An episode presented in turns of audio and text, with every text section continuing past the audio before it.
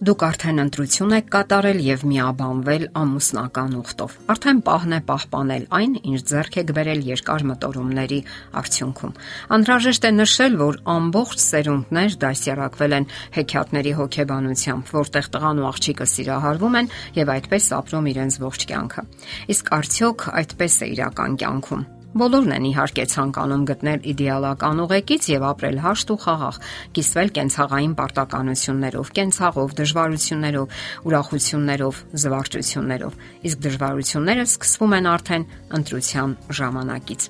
Հոկեբան Կատերինա Սաֆրոնովան գրում է. Իդեալական զուգընկերոջ հավերժական որոնումները խանգարում են, որ հարաբերություններ սկսենք սիրելի մարդու հետ, ով ունի թերություններ եւ կատարյալ չէ։ Հարաբերությունները մենք պատկերացնում ենք հեքիաթի տրամաբանությամբ եւ տեսարաններով՝ սեր, հայացքից հայացք, հովվերգություն եւ ներդաշնակություն զույգի հարաբերություններում, ամուսնություն, ինչեւ մահը կբաժանի մեզ։ Այսպիսի միության խորհուրդը չի նախատեսում ոչ անխուսափելի վիճաբանություններ, ոչ տարիքային ճգնաժամեր, ոչ հոգեբանության առանձնահատկություններ։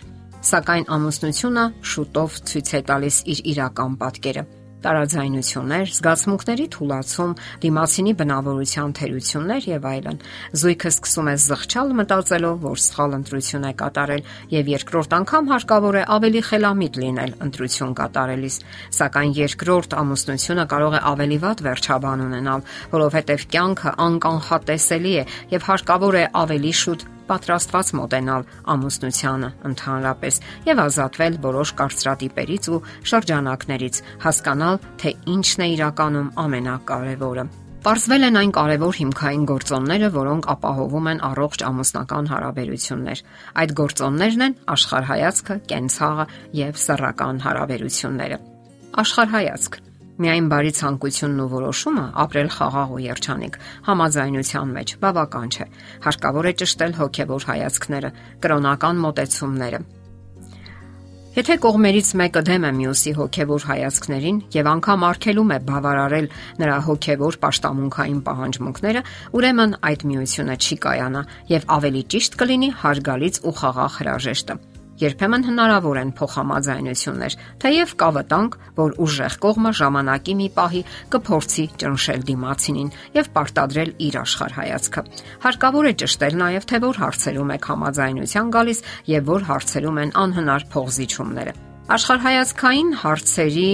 մեջ նշենք նաեւ բնակության վայրը։ Ինչ շատերը գերադասում են քաղաքային վազվզոցն ու աշխույժ կյանքը, մյուսները ցանկանում են ապրել գյուղական, հանդարտ ու խաղաղ կյանքով։ Ոմանք ցանկանում են ունենալ երեխա, իսկ ահա կողմերից մեկը չի ցանկանում այդ պարտականությունների տակ մտնել։ Եթե այս հակասությունները ուշ են բացահայտվում, միությունը քայքայվում է կամ էլ կողմերից մեկը գնում է գիտակցական զիջումների, որpիսի պահպանի ամուսնությունը։ Սակայն նման ամուսնությունը երբեք չի կարող հավասարազոր համարվել եւ կողմերից մեկը անընդհատ կզգա, որ իրեն անտեսել են կամ արհամարել։ Իսկ եթե այդ հարցերը ձեզ համար սկզբունքային նշանակություն չունեն, կարող եք թեթևորեն գնալ արտասահման կամ մնալ երկրում,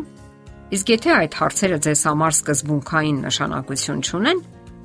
իսկ եթե այդ հարցերը ձեզ համար սկզբունքային նշանակություն չունեն, հիմնախնդիրներ չեն առաջանա։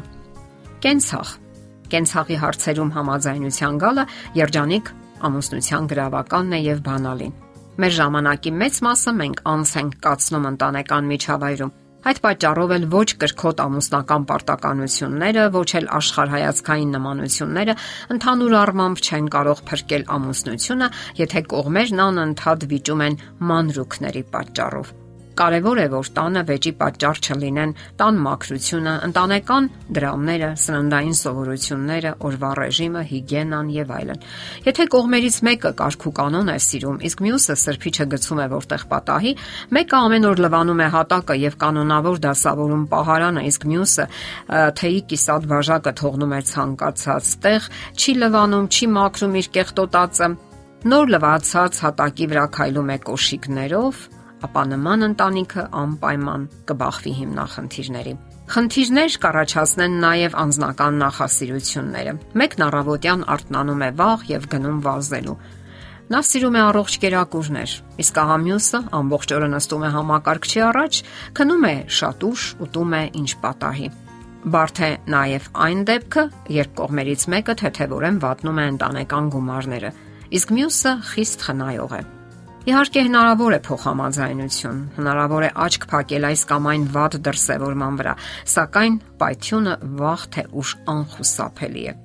Ամուսնական կյանքում ինչ խոսք, կարևոր է նաև սեռական հարաբերությունը, ինչն ինքնին առանձին քննարկման թեմա է տարաձայնություններն այդ հարցում անբավարարության առիթ են տալիս։ Ահա թե ինչու անհրաժեշտ է շատ հարցերի կենցաղային սովորությունների շուրջ նախորոք պայմանավորվել, այսպես ասած, դեռևս ափին, նախքան կմտնեք կյանքի հորձանուտը եւ ձեր մատներին կցուցադրեք ամուսնական մատանիները։ Դե ինչ, Ժամանակը ձեր օգտին է աշխատում։ Միշտ ապեք, իսկ եթե արդեն կայացրել եք ընտրությունը եւ ամուսնացել, ապա պայքարեք անկատարությունների դեմ համատեղ ուժերով եւ ամեն ջանք գործադրեք միությունը պահպանելու համար։